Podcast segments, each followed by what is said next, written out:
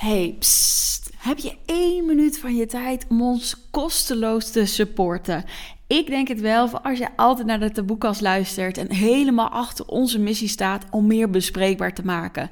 Oké, let op. Je kunt gewoon blijven luisteren en dit is wat je doet. Je opent je show notes, je gaat naar de YouTube-link en je klikt even op abonneren. That's it. Zo kun je ons kosteloos supporten, ons naar de 1k abonnees helpen en kunnen wij nog veel meer mensen bereiken. Dankjewel en nog heel veel luisterplezier. Mwah. En dat is dus ook waarom ze zo, oh, zich zo powered eigenlijk voelen om langs de deuren te gaan. Omdat het is echt van, maar wij willen mensen redden. Oh, maar jij bent toch Joofs getuige?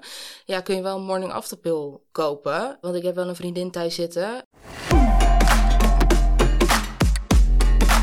Lieve luisteraar, lieve taboe welkom bij een nieuwe taboekast.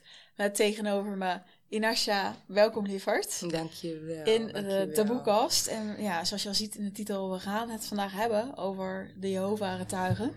Maar vooral ook, nou ja, jouw verhaal. En dat je daar dus ook uh, nou ja, bent uitgestapt.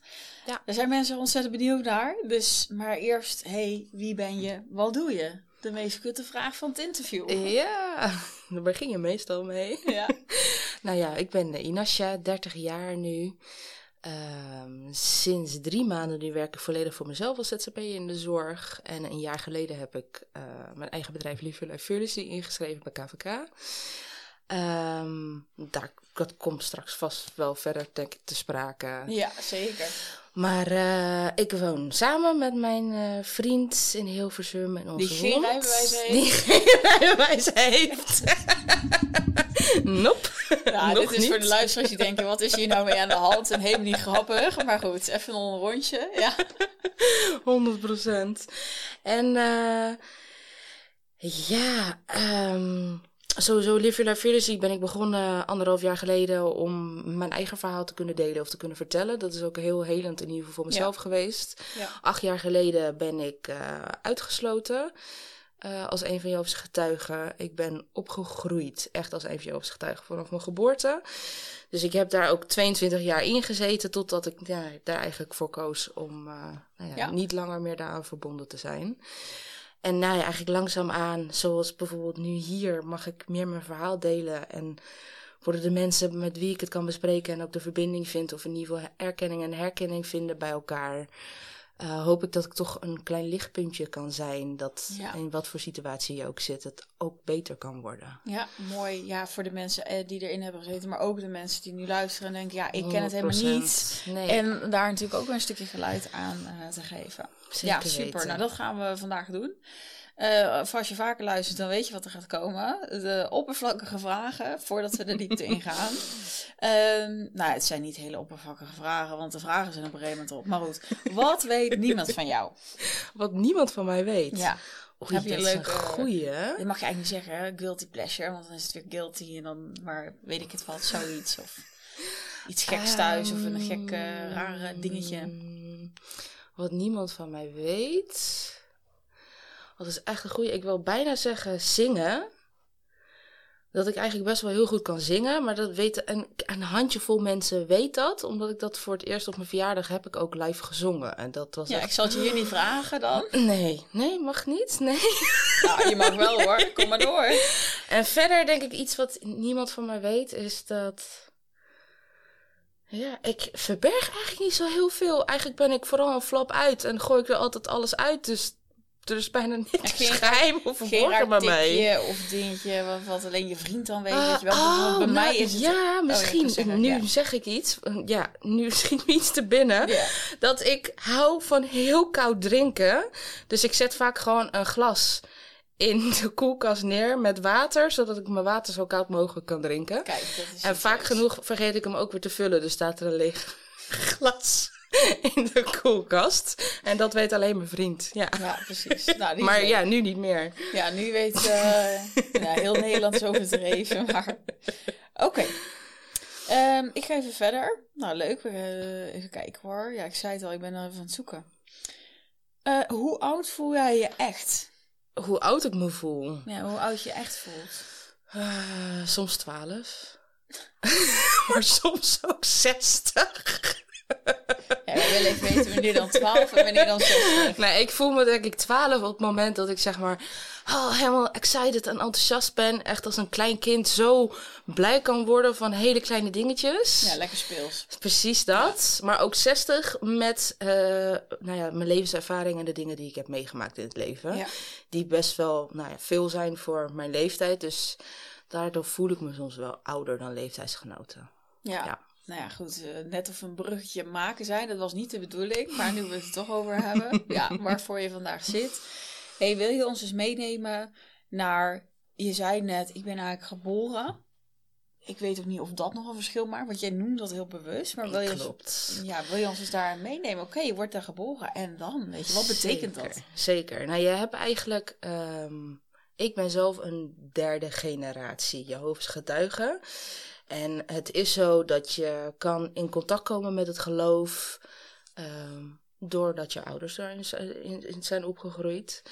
Uh, mijn opa en oma zijn ook Jehovah's getuigen. Dus vandaar dat ik zelf dan derde generatie ben. Mijn ouders waren heel jong. Mijn vader is ook geboren, zeg maar, in het, in het geloof. Maar soms is het zo dat, nou, dat zullen jullie vast wel vaak hebben meegemaakt. Je langs de deur gaat om andere mensen ook te vertellen over het geloof. Gaan we het ook nog over hebben? Gaan we het ook nog over hebben? en um, ja, dan kun je dus later besluiten om je te verbinden aan de organisatie of aan nou ja, het geloof of een van je getuigen te worden. En um, dat zijn eigenlijk dan de verschillen. Maar ik ben zelf nou ja, geboren als een van Jehovah's getuigen. Mijn ouders waren toen ook al Jehovah's getuigen. Mijn opa en oma ook. Dus derde generatie dan officieel. Ja, hey, en ik hoor je dat zeggen. En ik heb natuurlijk de achtergrond. Ik heb ooit nog in een ver verleden religiestudies gestudeerd. Maar kun je überhaupt eens vertellen voor mensen die denken... ja, ik weet eigenlijk helemaal niet, wat de hek houdt het in? Jehovah's getuigen zelf? Ja, ja, dat is een mooie vraag. Uh, sowieso, Jehovah's getuigen die, die zijn er eigenlijk van overtuigd dat zij de enige waarheid hebben. Uh, de ware religie of de juiste manier van leven. Er zitten ook heel veel leefregels en eigenlijk... Uh, ja, vooral op de Bijbelse uh, Bijbel. Even kijken. Op de Bijbel gebaseerde principes waar je je aan moet, uh, aan moet houden en aan moet leven. En uh, ze geloven eigenlijk dat nu wij nu in de laatste dagen leven en dat uiteindelijk God ingrijpt en eigenlijk iedereen vernietigt die geen Joodse getuige is. Uh, en een paradijs weer maakt van, uh, van de wereld. En dat dus dat specifieke groepje mensen dan ook uh, nou ja, in het paradijs voor eeuwig zou mogen kunnen leven. want de hoop waar ze ook zeg maar in geloven is dat er geen pijn meer is, geen verdriet meer is. En dat ook de personen die zijn gestorven uit het verleden een opstanding krijgen. Ja. Dus dat is net eigenlijk zoals de, Christus. Ja, ja, net zoals Christus. Uh, dus dat is een beetje de, de, de basisleer uh, dan. En dat is dus ook waarom ze zo oh, zich zo powered eigenlijk voelen om langs de deuren te gaan. Omdat het is echt van, maar wij willen mensen redden. Ja. En we willen mensen het allermooiste mee leven meegeven. En dat is het dus voor hun. Het zijn van Jehovah's getuigen en uh, nou ja, Jehovah dienen. Want zo wordt de God dan ook genoemd binnen de religie. Dus ja, dat is um, eigenlijk een beetje een vogelvlucht in wat het nutshell. inhoudt. Ja, precies. In een nutshell. Ja. ja, want dat vind ik ook wel mooi. Want ik heb natuurlijk mensen verklaren mij verrekt dat ik ooit religies heb gedaan. Maar dat vind ja. ik dus interessant, omdat je kan zo in je eigen waarheid zitten. En ik denk dat veel meer mensen dat hebben. Alleen bij religie vinden we er dan meteen wat van. Maar heel veel mensen hebben hun eigen waarheid en verhouden ergens aan vast. Maar ja. dat wij dus niet van, wat kom je nou doen? Maar dat het voor hen ook weer, weer is van, ja, maar dit is toch de waarheid? Waarom word je niet wakker? Klopt. Ik wil dat je meekomt naar dat paradijs. Klopt. En dat is eigenlijk ook weer heel liefdevol. Klopt. En uh, reed Erik dan, maar daar gaan we straks nog een luisteraarsvraag dus over beantwoorden. Oké, okay. heel lief wat je zei van, uh, oké, okay, en, en uh, nou, je hebt het even uitgelegd. Er zitten heel veel regels bij. Ik ben benieuwd, hè? Je, je groeit erin op. Kun je ons eens meenemen? Oké, okay, je wordt ouder. Wat, wat komen daar voor rituelen bij? Maar ook dus regels. Ja, zeker, zeker. Kijk, sowieso is het natuurlijk als je erin opgroeit, je weet niet beter. Ja. Uh, dat is inderdaad jouw waarheid die je hebt meegekregen. Uh, je hebt geen twijfels, je gaat erin mee. En um, sowieso iets wat denk ik wel heel bekend is, is dat er helemaal geen feestdagen worden gevierd. Dus je viert je verjaardag niet, kerst, Pasen, oud en nieuw. Eigenlijk het enige wat wel vaak gevierd wordt is uh, trouw, een trouwerij. En dan, nou ja, eenjarig, tweejarig, driejarig huwelijk enzovoort, de jubileums. Uh, en de herdenking van Jezus dood. Dat is dan een jaarlijks uh, evenement dat eigenlijk terugkomt. Dat wordt het avondmaal genoemd. Mm. En daar wordt dan uh, vaak een zaal afgehuurd dat iedereen die wil komen daarvoor welkom is. En um, dan sta je eigenlijk stil bij dat Um, ze geloven dat in Adam en Eva, zeg maar het eerste mensenpaar, die uiteindelijk zijn verleid door de, door de duivel. En daardoor onvolmaaktheid in het leven is gekomen. En uiteindelijk Jezus, nou ja, in latere jaren naar de aarde terug is gekomen om die zonde te vergeven. Uh, dus bij dat offer wordt dan stilgestaan, omdat er ook wordt geloofd dat je eigenlijk Jezus nodig heeft om, nou, een soort van tussenpersoon om bij God Mhm. te, te kunnen komen. Of uiteindelijk dan in de toekomst ook uh, gered te kunnen worden in die zin. En ja. je noemt het nou heel specifiek, want hè, jij zegt al veel mensen zullen het al weten. Ik weet niet of dat zo is, maar wat nee, dat, is waar. Wat maakt dat je feestdagen niet uh, viert? Ja, eigenlijk elke feestdag uh, had ook weer een andere reden waarom dat niet gevierd werd. Heel vaak was het zo dat het als heidens werd gezien. Uh, en vaak werd er eigenlijk altijd bepaalde bijbelteksten, bijbelquotes aangehaald die dan bevestigden waarom iets wel of niet kon. Uh, veel weet ik nu niet meer hoor, na acht jaar. Maar wat ik me wel kan herinneren is bijvoorbeeld waarom er geen vier, eh, verjaardagen dan vierden. Was omdat Jezus als voorbeeld werd gezien en hij nooit zijn verjaardag vierde. En een ander voorbeeld uit de Bijbel was dat er uh, een hoofd afgehakt werd op een verjaardag. En ja, dat dat dus ook als slecht werd afgeschilderd. Ja, dus vandaar geen verjaardag dan. Ja. Nee, en ook wat denk ik voornamelijk misschien, dat schiet me nu te binnen, een van de belangrijkste dingen was, is dat je alleen God moest eren. En dus niet uh, zelf in het middenpunt mocht komen te staan. Ja. Ja. En dat gebeurt dan met verjaardagen. Ja. Ja, ja zeker. Ja. Je verjaardag vieren. En kom zo op of je het nu uh, wel groot doet, hè? Ja, dat zal wel. Ja. 100%. Hey, En maar jij, jij, want je zei meteen, oké, nou dat werd dan niet gevierd. En uh, je zei ook heel mooi, want ik denk ook wel, oh ja, dat besef je dus pas als je andere dingen gaat zien, dat, je, dat er ook iets anders is en dat je daarvoor helemaal niet weet ik heb natuurlijk ook voor de klas gestaan en dan waren mensen altijd van, hoe kan dit nou? Hè? Dat snap je toch niet? Maar ja, als je alleen maar dat hoort. Maar dat is, ik, ik heb ook zeker de laatste paar jaren me er veel meer in gaan verdiepen in conditionering. Als je gewoon elke keer een bepaalde waarheid wordt, dat dat jouw waarheid ook wordt. Ja. Dus je, je ziet niks. Je krijgt een tunnel, je hebt dan letterlijk een tunnelvisie van ja, maar Oh, maar van, je gelooft ook echt, je bent er echt van overtuigd van dit, dit, dit is het, dit is de waarheid en iedereen moet het weten, want ik wil iedereen redden. Dus het is zo, zoiets geks ook, omdat ik aan de ene kant ook wel begrijp waarom ze handelen zoals ze handelen. En mhm. ik heb er ook begrip voor. Maar je hebt inderdaad nu ook een hele andere kant van de wereld gezien. En ziet ook dat het heel anders kan. Ja, zeker. Anders kan en anders mag. En lekker je verjaardag vieren. Ja. 100%. Nee, maar ik vind het wel mooi die zegt, want we hebben allemaal waarheid. En, en, en als mensen zeggen, nou, dat is niet, joh, wat jij net zegt over conditioneringen of overtuigingen. Ik bedoel, kijk maar wat, wat de, de helft van de mensen over zichzelf denkt. Ik ben eigenlijk niet goed genoeg, ik ben het niet waar, dat soort dingen. Klopt. We hebben ook heel vaak negatieve overtuigingen. Ja, ik denk ook, je kan het niet alleen maar inderdaad op geloof, maar op zoveel andere dingen ook toepassen. Ja. Dat inderdaad je misschien ook zelfs gaat leven naar de waarheid van ik ben niet goed genoeg, leuk genoeg. Dat denk ik zeker. Ja, dus ja, zeker. En dus ook het mooie van, hé, hey, er is een andere weg. Niet letterlijk door de uit te stappen, maar ook in ons hoofd natuurlijk. Ja, klopt, klopt. Hey, en dan uh, in groeien op, kun je dus meenemen naar iets wat dan typisch is voor bijvoorbeeld uh, Wat heel typisch is, uh, eigenlijk alles staat in in teken van het geloof. Mm um, je had sowieso toen ik jong was drie bijeenkomsten per week waar je sowieso al naartoe ging. En het was dan twee dagen in de Koninkrijkzaal. Dat is misschien ook wel bekend. Dat de kerk, zeg maar, het uh, mm gebouw waar de Joodse getuigen vergaderen. Ja. En dan twee keer per week had je daar vergaderingen. Dan kwam je met een groep bij elkaar. Je had vaak ook in Amsterdam dan verschillende gemeentes, dus opgedeeld in verschillende regio's. Mm uh, zat je met ongeveer 120 man, zeg maar, uh, in de gemeente. En, dan kreeg je onderwijs. Kids. Sorry? Er waren allemaal kids dus. Uh, nee, nee dat waren gewoon uh, van 0 tot 100. Oh, Dat was allemaal ik dacht echt door even, elkaar dit is heen. de kinderschool met exegese Nee. of zoiets. Nee, nee, nee, nee, nee. Het was, uh, je had gewoon met, met iedereen onderwijs en er werden altijd ook publicaties of boekjes werden er uitgegeven. Vaak had je dan een driedaagse één keer per jaar in Utrecht, de jaarbeurs die helemaal werd afgehuurd. Je had ook twee keer per jaar dan bijeenkomsten van twee of twee dagen. En soms één dag dat je ook een gigantische hal, dat echt duizenden mensen in één keer bij elkaar waren. Vanuit het hele, hele land, dat je daar dan naartoe kwam. En dan kreeg je eigenlijk, je ging lezen uit de Bijbel, of er werd voorgelezen uit de Bijbel.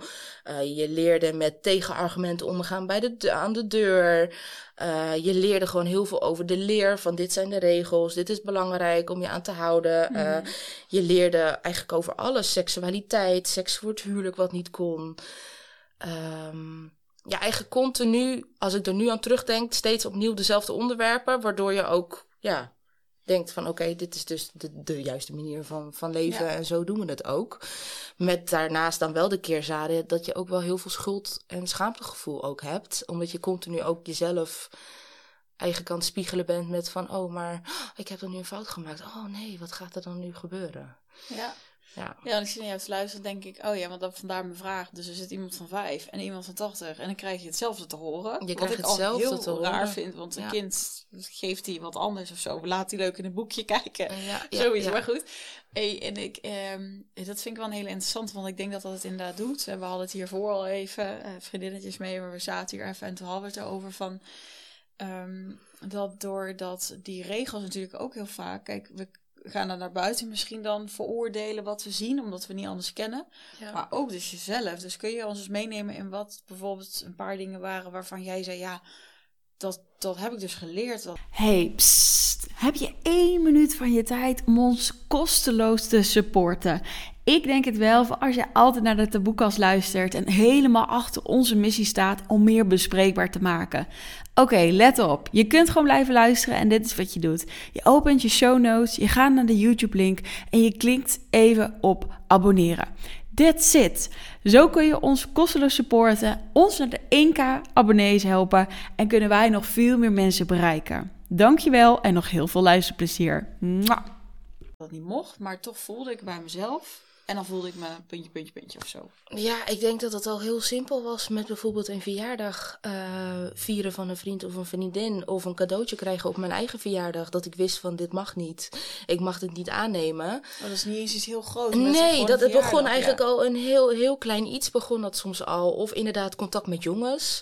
Dat was ook altijd wel een heel groot ding. Want het was oké, okay, contact met jongens. Het liefste binnen de organisatie. Het liefst ook op een leeftijd dat je al meteen kan verloven en gaat trouwen. Want dat was ook wel best wel heel snel. Nou, dat want... is fijn als je dan 12 bent en dan. Ja, meteen je huwelijkspartner al voor je hebt. Van Nee, hier. ja, Nee. ik, was, ik vond het helemaal interessant. Een 12, 13 en als puber. Ja. En dan wilde ik, weet je wel, dan vond ik die leuk. Wou ik met die zoenen. Ja. En dat gaat allemaal niet. Dan moet je meteen verloven. ja, dus dat is een heel ander proces. en ik denk ook met, ehm, ja, soms ook bepaalde films kijken. Van, dat er ook werd gezegd van deze boeken mag je niet lezen, deze films als je niet kijken. Dat werd heel, heel erg benoemd van dat is van het kwade, dat is van de duivel.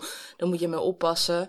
Want het is ook een soort van inner battle of outside battle wat je continu hebt van oh alles wat je tegenkomt op je pad dat is een beproeving of alles wat je tegenkomt dat kan je van God brengen dus hou vast aan het geloof door zoveel mogelijk tijd ook te besteden in het geloof en dat nou ja eigenlijk ook de, die high controlling eigenlijk ehm, ja hoe zeg je dat Ehm, in stand te kunnen houden ja maar dat, daar ben je helemaal niet bewust van. Ik bedoel, dat is een hele andere keerzijde. Ik bedoel, joh, je leeft je leven. En ik was heel blij ook uh, met nou ja, de vergadering, bijeenkomsten. Omdat je daar inderdaad wel altijd vriendjes en vriendinnetjes ook wel had van dezelfde leeftijd waar je mee omging. En wat jij net zei over kinderen, je had wel publicaties zoals een Bijbelverhalenboek. En toen ik ouder werd, 13, 14, kwamen er ook wel wat meer filmpjes en video's voor kinderen uit en dergelijke dingen. Uh, maar ja, het was allemaal wel op hetzelfde niveau wat je zegt, dat onderwijs. Je hoorde allemaal dezelfde dingen, ja. Ja. Ik ben het luisteren en denk, ja, als je daar echt minder in zit, maar ja, je hoort het niet anders. Alleen ik weet wel, ik ben een keer in Israël geweest en toen kwam op een gegeven moment natuurlijk het internet en de mobiele telefoons en dat heeft daar heel veel veranderd. Ja. Dus ik ben ook wel benieuwd van, hè, wat jij zegt natuurlijk, je wist het niet.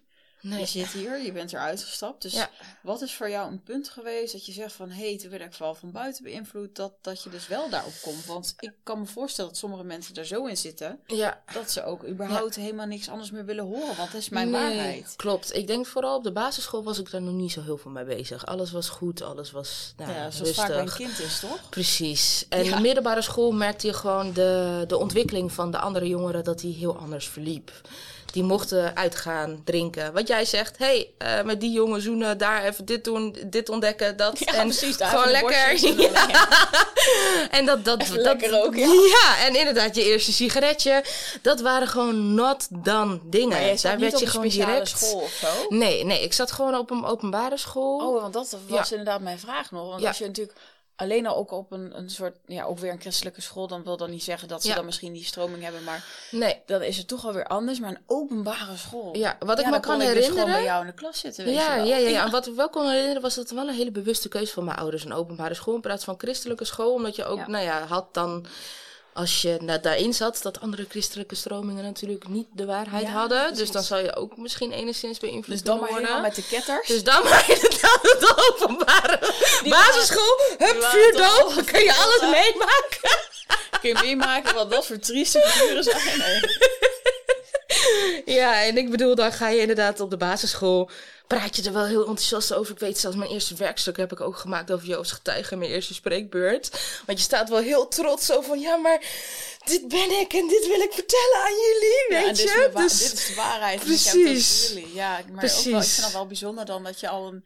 Hè, ik zie al helemaal daar staan, maar dat een kind dus al zo enthousiast is. Helemaal, ja. En zo, zo, zo jong begint het dus ook En wat zei de juf dan bij zoiets? Van, hey, ik weet dat mijn juf gedaan, heel veel discussie met mijn ouders heeft gehad.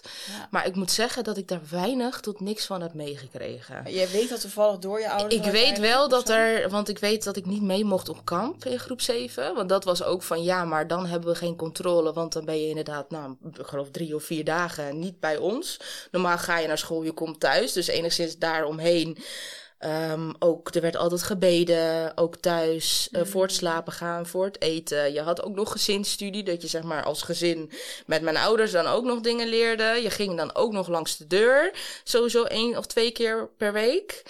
Uh, om dan ja, het goede nieuws dan te vertellen en met de boekjes langs te gaan en dan verbinding te zoeken met anderen. Maar dat was echt van, ja, maar dan ben je vier of vijf dagen niet bij ons dat gaan we niet doen. En daar is de juf toen heel erg tegen ingegaan, van dit is goed voor haar ontwikkeling. Ik pas op haar, ze gaat mee. Dus ik weet dat stukje, dat dat... Uh, ben je meegegaan? Ik ben meegeweest, ja. Hoe was het? Was dat lijkt me ook een ervaring. Het was een hele ervaring, vooral. Je ziet misschien mensen ook schelden met Gods uh, puntje en uh, Jezus en weet ik dan maar wat. Ja, ik weet wel dat ik heel erg angstig was. Ik was heel angstig. Mm. En ik denk ook wat ik vooral kan herinneren van kamp was um, dat wij werden ergens gedropt. En we moesten de weg terugvinden. En we waren met een groepje meisjes. Verdwaald dus in het bos. En we konden niemand terugvinden. En toen waren we dus naar een weg gelopen. En daar kwamen een ouder echtpaar tegen. En toen zijn we in de auto gestapt. En dus uh, thuisgebracht, weer teruggebracht naar het kamp. En toen waren dus de juf heel boos. Want die dacht, oh, nu krijg ik wel problemen met jouw ouders. Want hoe goed heb ik eigenlijk op je gelet? Want dat had ook heel anders kunnen ja, aflopen. het waren twee lieverds, maar dus voor hetzelfde geld was je bij gek en Mark Dutroux in ja, weet je Maar dat was denk ik ook een beetje de onwetendheid. En ook, ik heb altijd, dat heb ik altijd gehad en gelukkig heb ik dat nog steeds, dat ik altijd wel de goedheid in iedereen zie. Dus ik zag ook vaak geen uh, niet dat gevaar in, zeg maar. En dan zei iemand anders dat. ja. ja. van, oh, maar oh, had dat dan allemaal kunnen gebeuren? Ja, het is goed afgelopen. Mhm. Dus ik was toen wel vooral heel blij dat ik mijn ouders weer zag. En het eerste wat ik zei was van, sorry, omdat ik bang was dat ik gestraft zou worden voor dat dat stukje niet goed was gegaan. Omdat mijn juf toch wel duidelijk maakte van, hé. Hey. Maar ik denk dat dat vooral ook, uh, dat zwart-wit denken en goed fout, dat dat er zo jong al in zat. Dat met alles, en dat merk ik nu nog steeds, um, je gewoon heel bang bent om fouten te maken of te falen. Of inderdaad nog steeds niet goed genoeg te zijn met de keuzes of dingen die je doet. Ja, het, het is een beetje hè, helemaal naar nu, maar goed, dat is maar zo. Maar je noemt het nu zo specifiek. En ik, want het lijkt me ook wel dat als hun stem, ja, je zei het net zelf, als iets erin zit, het lijkt me moeilijk. Ja, het is nog, het is een dagelijks gevecht soms hoor. En ik, gelukkig ben ik me er steeds bewuster van, van oké, waar komt het vandaan? Um, is het de waarheid waar ik nog naar wil leven? Want ik heb er hard voor gevochten om acht jaar geleden ermee te stoppen en nu te staan waar ik nu sta. Hmm. Dus uh, het is er en gelukkig kan ik. Ik heb een onwijs lieve vriend die natuurlijk ook het hele proces heeft meegemaakt, maar dat zal straks ook wel ter sprake komen. Ja, natuurlijk. Um, eigenlijk leerde ik hem kennen en vlak daarna ben ik ook officieel uitgesloten. Ja, precies. Dus dat, ja, hij heeft me gewoon wel alle ruimte en vrijheid gegeven om ook dat te kunnen uitzoeken voor mezelf. En, en uh, mijn eigen weg te bepalen. Uh, waar heb jij dan nu soms nog wel dat, dat goed fout? Of dat je merkt van, oeh ja, ik ben nu even streng tegen mezelf? Hmm, ja, soms met dagelijkse dingen ook hoor. Soms met, met keuzes maken al van wat gaan we eten vanavond. Of um, ja, ik denk dat zit echt al in hele kleine dingetjes. Of van kan ik nu dit wel, deze film wel of niet kijken? Of of uh, kan ik wel met deze mensen wel of niet omgaan? Of nou ja, dan weet je van oké, dan klik je dat heel snel weer weg. Want ik wil juist zonder oordeel leven. Want uh, ja, ik denk dat dat ook het allermooiste is wat je, wat je uiteindelijk kan doen. Door gewoon iedereen de ruimte te geven zijn eigen weg en waarheid te vinden. Maar um, ik denk vooral die innerlijke criticus, dat die nog steeds echt heel, heel sterk aanwezig is. Ja, ja zo klinkt het. Ja. Ja. Ja, en soms misschien meer dan wat ik me bewust van ben hoor. Ja. ja, iedereen heeft het, maar ik kan me wel voorstellen als je dit al zo jong leert. Weet je, je kent dit is goed, dit is fout. Ja, en, krijgt er maar uit, maar het is denk ik meer van, oké, hoe goed kan ik er inderdaad mee leven? Ja. Dat is wat je aan het doen bent. Ja, en ik denk ook soms nog steeds in angst leven. Zoals bijvoorbeeld de hiërarchieën die je heel erg had dan binnen die, uh, binnen die organisatie. Dat je gewoon inderdaad oudere mannen had, ouderlingen die gewoon nou ja, de leiding namen en ook bekritiseerden op bepaalde dingen die, die je dan aangaf van nou je wist van dit is niet oké, dan spreek je erover. Dan kreeg je er vaak wel, uh, nou ja, mm. in die zin een straf op. Maar uh, nu soms, al ben ik in de auto aan het rijden en er rijdt de politieagent achter me of langs me, schiet ik al meteen in stress en angst van, maar heb ik iets verkeerd gedaan? Ze gaan me straks aanhouden of dan gaat zeg maar het doemdenken en het negatieve spiraal heel snel opstarten. Dus ik heb dat heel erg met hiërarchie nog. Nou ja, lijkt me wel moeilijk dat je dan uh, het eigenlijk meteen op jezelf betrekt. Altijd. Ja. ja, klopt. Ja. Want ik zou denken, nou, er komt er eentje langs. hopelijk zit ik net niet iets aan te tikken op mijn mobiel uh, in het nee. houdertje, weet je wel. Ja. Mijn vriend had het laatst ook, was even bellen voor werk, even snel, oké, okay, bon erop. Maar ja, ja. en het altijd dus eigenlijk Klopt, terwijl ik gewoon dan weet, als je het beredeneert, er is niks, niks wat je niet goed doet. Maar toch blijft dat aanwezig in, uh, in dat soort dingen, ja. Ja. En ik denk echt dat dat tot de conditionering vanuit mijn opvoeding komt, nog steeds. Ja. ja, dat zo klinkt het in ieder geval wel. Ja. En ook best logisch als je dus zo lang dat als waarheid had. Goed, fout en ik moet vooral goed zijn. En, ja, en er kijkt altijd iemand met je mee uh, die, die je volgt en die je ook straft. Vooral dat straffen. Ja. Kijk je mee? Come on! ik wacht nog steeds op de blikken schicht, maar zeggen, niet zit in deze podcast. Dus als ze nu hierna niet een... Uh, nee, ik ga niet zeggen. Ik ga niks uitspreken. heb ik straks iets raars gezegd. Nou goed, nee. wat jij zei, hè, ik was nog op kamp en toen zei je op de basisschool veel van mee, maar dus als puber ging je wel meer nadenken. Ja. Wat, wat, wat maakte dat je denk, zei van, nee, ik ging dan wel meer nadenken? Of ja, mijn ouders waren sowieso denk ik uh, angstig, maar met name denk ik heel beschermend, maar ik denk dat daar ook wel angst achter zat, zoals... Uh, op de middelbare schooltje MSN, dat je contact had, een eigen e-mailadres. Uh, Hives begon toen volgens mij PP2G. Dat mocht allemaal niet, want dat waren ook allemaal gevaren. En je kon allemaal ook verbinding leggen met anderen die ook een negatieve invloed op je konden hebben. Want ook eigenlijk iedereen buiten die... Uh, ja, werd ook gezien als uh, slechte omgang. Of nou ja, mensen die jou op een negatieve manier ook kunnen beïnvloeden. En inderdaad uitgaan, wat ik zeg, jongens, uh, je eigen seksualiteit ontdekken. Daar was eigenlijk niet echt de ruimte voor. Je zag dat nou ja, met de biologieles of filmpjes of verhalen die je opzocht op het internet, wat natuurlijk ook niet altijd de ultieme waarheid is. Of ja. Ja. Het was inderdaad dat je bijvoorbeeld, ehm, nou ja, porno vond en dat dan spiegelde als van, oh, zo is dan zo seks bedoeld, bijvoorbeeld. Dus ja, dat is dan toen een hele ontdekkingsreis wel geweest. En ik ben toen ook heel veel dingen stiekem gaan doen. Omdat ik was wel altijd een soort van inner rebel. Nou, noem eens wat, alsjeblieft. Ja. Nou ja, uh, toen zoende inderdaad wel met jongens op school. En uh, stiekem afspreken met andere, met andere mannen, al was dat soms ook wel heel onschuldig. Maar omdat je inderdaad zo ingesleten goed en fout zat, voelde dat ook al als heel fout. Wel films en video's en boeken lezen die dan vanuit de organisatie ook werden gezegd van dit mag je niet doen of niet lezen. Maar mag je vrij weinig lezen, behalve de Bijbel en weet ik het wat. Ja, ja, klopt. uiteindelijk wel. Dat ja. nog over, jongens. Ja. ja, uiteindelijk wel, ja. ja ja, want alles werd gezien als, uh, als, uh, als gevaar. En uh, nou ja, wat ik zeg, MSN was voor mij dan al een hele stap, omdat het niet mocht. Was wel inderdaad een MSN-account aanmaken en daar gewoon wel online op ingelogd zijn op het moment dat mijn ouders dat niet zagen of wisten.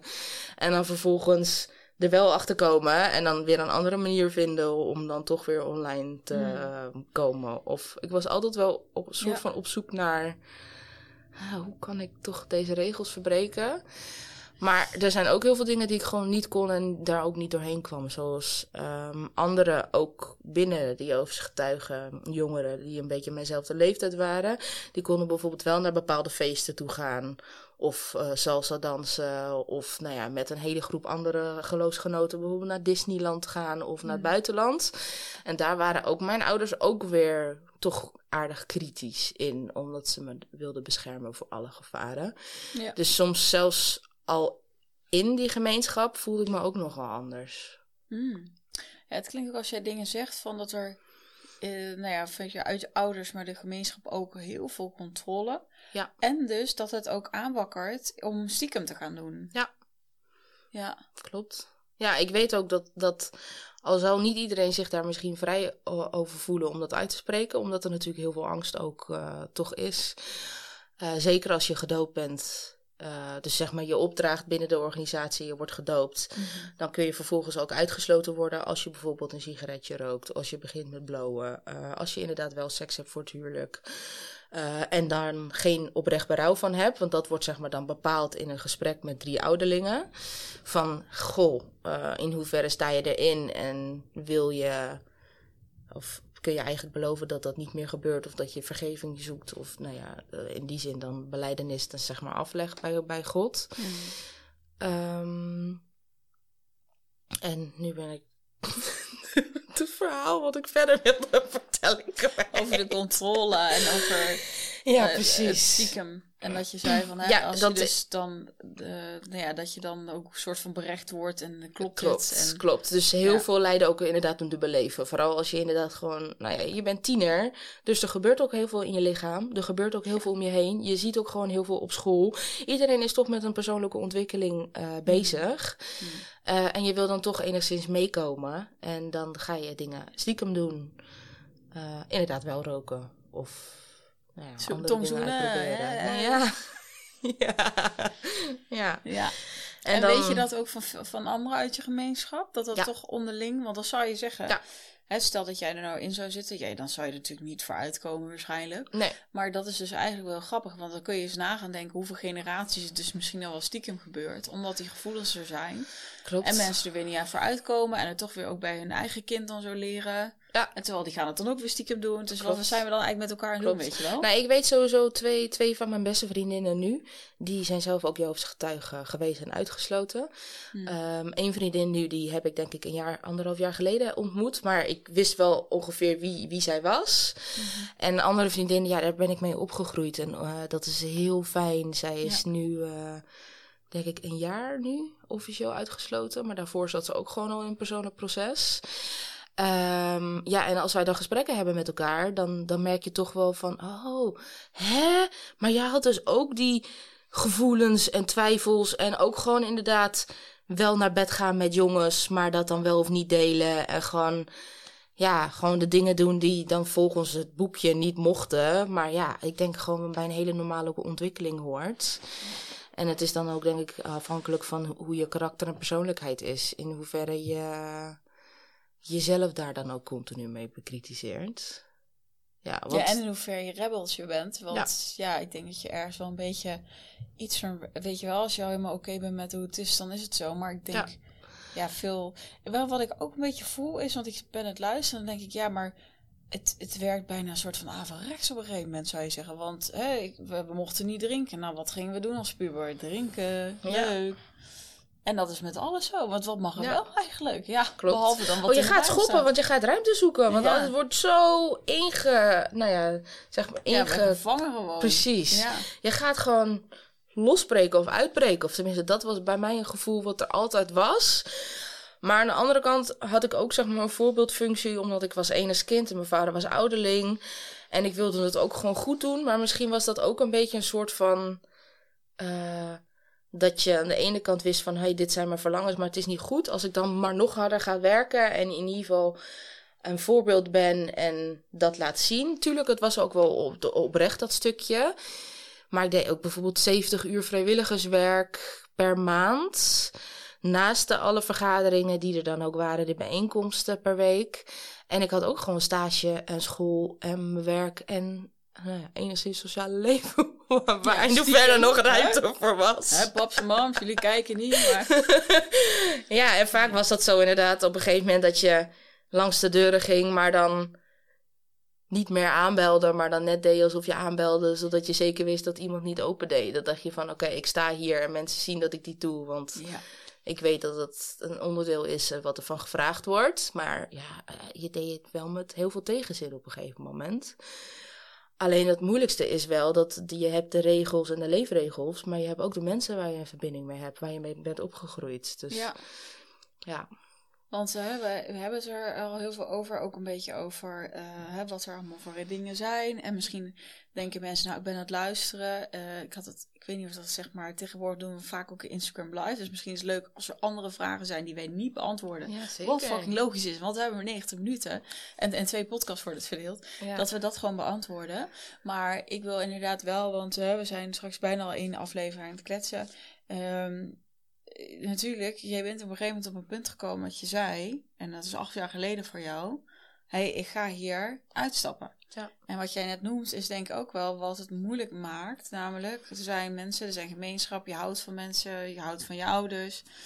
En je bent zelfs enig kind.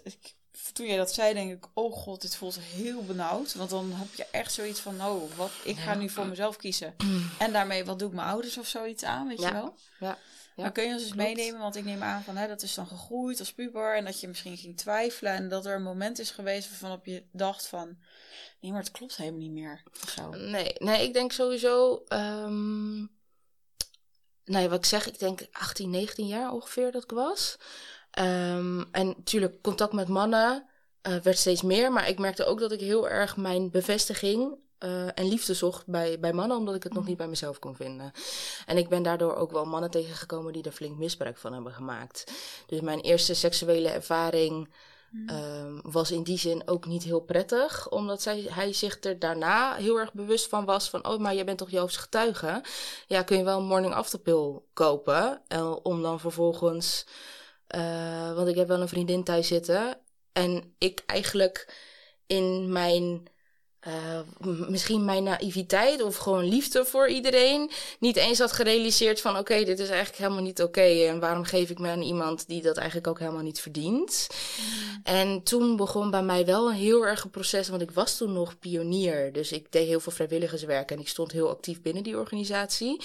Maar dat stukje voelde wel als een soort van grote zwarte vlek waarom ik niet meer goed was om, om, om het werk te doen of om ja. uh, zeg maar goed te dienen. Dus wat ik toen um, ook een periode heb gehad, is dat ik echt heel bang was dat ik zwanger was. Dus ik had ook echt allemaal verschijnselen van een schijnzwangerschap. Ik ben zelfs ook naar een abortuskliniek toe geweest om een echo van mijn buik te laten maken. En toen kon ik het eigenlijk pas loslaten, omdat die angst er toen zo in zat van als dit verhaal naar buiten komt, word ik uitgesloten. Want dat is de angst die je eigenlijk altijd hebt van Tenminste, ik had die angst van, ja. maar als je niet houdt aan deze regels en leefregels, dan is het echt een kwestie van leven of dood. Want dan kom je niet in het paradijs, dan kom je niet in die mooiere wereld waar je eigenlijk nu zo voor aan het strijden bent en ook zo andere mensen uh, naartoe probeert te trekken. Zegt, sorry, ik haak even in op wat ik dacht. Ja. Oh, je bent je uitgesloten en dan heb je niks. Maar inderdaad, is het die diepere, waar ik al niet eens meer over nadenk, want ik denk alleen, ja, je bent iedereen kwijt, weet je wel. Maar het gaat natuurlijk over, hé, hey, maar mijn eindbestemming, dat raak ik kwijt. 100 procent. Ja. ja, en ik denk dat toen bij mij het proces is begonnen toch een beetje een soort van aan te wennen van hoe zou het dan zijn om een uitgesloten te zijn en wil ik nog wel leven eigenlijk hierin? Ja, um, dat ehm, triggert het ook. Want dat triggerde heel juist erg. voor gekozen natuurlijk. Dus ja. mensen denken, ja, whatever, weet je, ja. wat maakt het uit? Ja, en ik ben toen ook op de middelbare, nee, dat was op mijn mbo-opleiding, um, had ik ook eh, echt voor het eerst vriendschap met andere mannen en vrouwen die niet een van Joop's getuigen waren. Dus toen merkte ik ook van, ja, maar hè, jullie zijn helemaal geen slechte mensen. Jullie doen ook zoveel goeds voor jullie naasten en zijn zelf ook gewoon, nou ja, uh, werkten ook in de zorg. Uh, nou ja, begonnen uh, met hun eigen gezin. Um, zorgde heel goed voor mij. Ook uh, een vriendin wist dus van dat stukje met deze man en de schijnzwangerschap. En toen is ze ook echt mijn steun geweest, omdat zij de enige was die ik dat had verteld. Omdat je ook de angst hebt van inderdaad die controle. Als ik het met iemand deel, was het vaak ook niet veilig, omdat je het direct met de ouderlingen moest delen. Want dat was het volgende. En als je dat zelf dan niet deed, kreeg je soms zelf een ultimatum van binnen een week heb je het verteld, anders doe ik het voor je. Dus het was ook niet veilig. En ik denk dat de verbinding juist daardoor op een gegeven moment buiten de organisatie veel sterker werd. Um, en toen leerde ik ook mijn huidige partner kennen, Joël. En dat was gewoon een instant klik eigenlijk, liefde op het eerste gezicht. En zoveel onvoorwaardelijke liefde, wat ik eigenlijk daar ook van terugkreeg, zo vanaf het begin.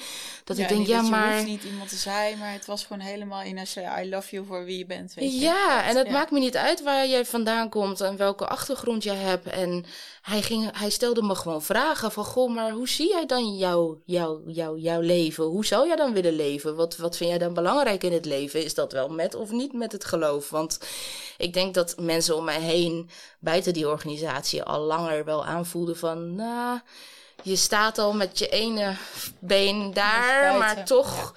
En dat, dat een beetje de, de druppel was die de emmer diep overlopen. Dat ik hem leerde kennen en wij ook dan seks hadden. Uh, en ik toen dacht van ja, maar uh, wat mijn hart wil en wat ik nu moet laten zien in mijn gedrag binnen deze organisatie, dat strookt met elkaar. Ik, ik kan dat niet meer matchen. Ik wil gewoon mijn waarheid kunnen spreken en in alle eerlijkheid kunnen delen wat er met die vorige ervaring is gebeurd, wat dat met mij heeft gedaan. Uh, maar ook dat ik nu een hele lieve man heb ontmoet. En waarom zou hij niet een eerlijke kans ook krijgen? Mogen krijgen om dat ook uit te zoeken, al is hij geen Jehovah's getuige. En het is heel gek als je daar dan natuurlijk nu bij stilstaat van oké, maar je hebt daar 22 jaar ingezeten. Je komt dan iemand tegen en dat is een soort van, nou ja, de, de, de druppel die de emmer misschien die, liet overlopen. Dat ik, ondanks dat we geen relatie hadden of daar ook nog niet zicht op was. Um, toen ik werd uitgesloten of na mijn uitsluiting direct, was het wel zo van: oké, maar ik heb gewoon ik heb een groep mensen om me heen en ik word opgevangen en ik ga dit gewoon doen. Ik ga mijn eigen leven leven zonder deze leefregels. Uh, Want ik wil niet meer gevangen zitten. Dat was denk ik het, het gevoel wat toen heel erg overheerste. Ja, gewoon, ik wil losbreken en het niet meer in het geheim doen. Ik wil gewoon mezelf kunnen zijn en geaccepteerd worden om de persoon die ik ben. Ja. Ja.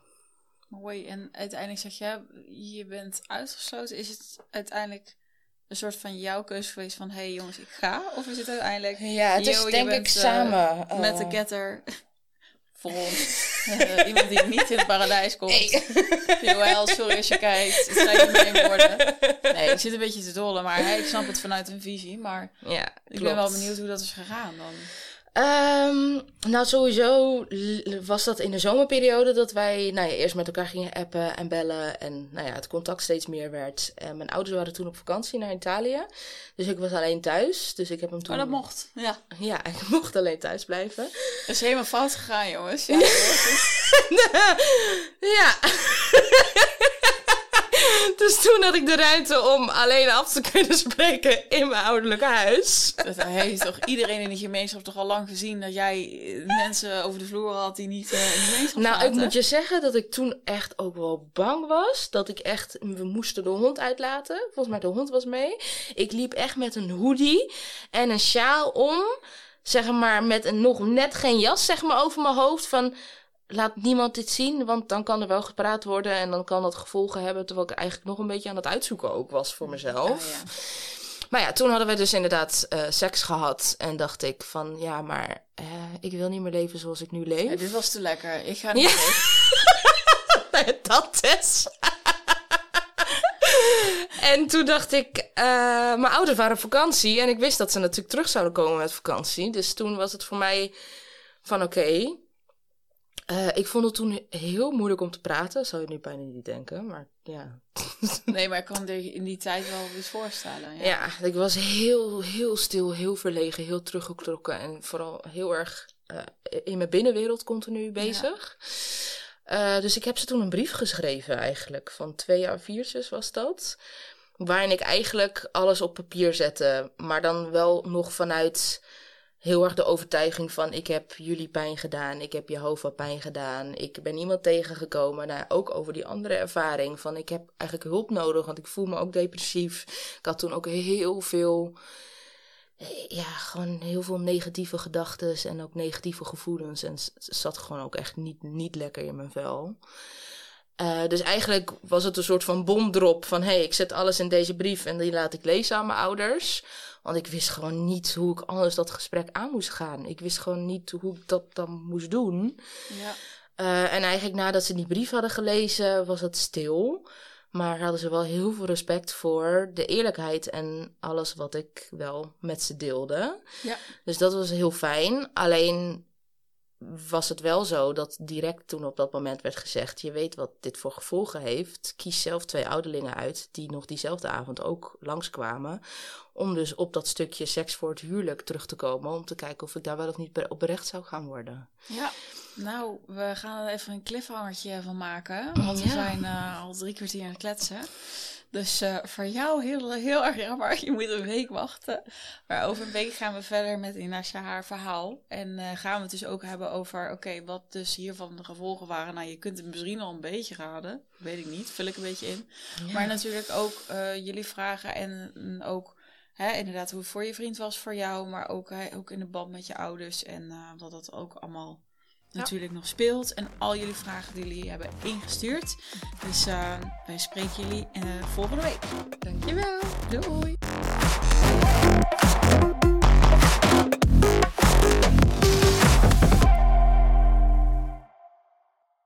Hey, psst. Heb je één minuut van je tijd om ons kosteloos te supporten? Ik denk het wel, als je altijd naar de taboekast luistert en helemaal achter onze missie staat om meer bespreekbaar te maken. Oké, let op. Je kunt gewoon blijven luisteren en dit is wat je doet. Je opent je show notes, je gaat naar de YouTube link en je klikt even op abonneren. That's it. Zo kun je ons kosteloos supporten, ons naar de 1k abonnees helpen en kunnen wij nog veel meer mensen bereiken. Dankjewel en nog heel veel luisterplezier. Mwah.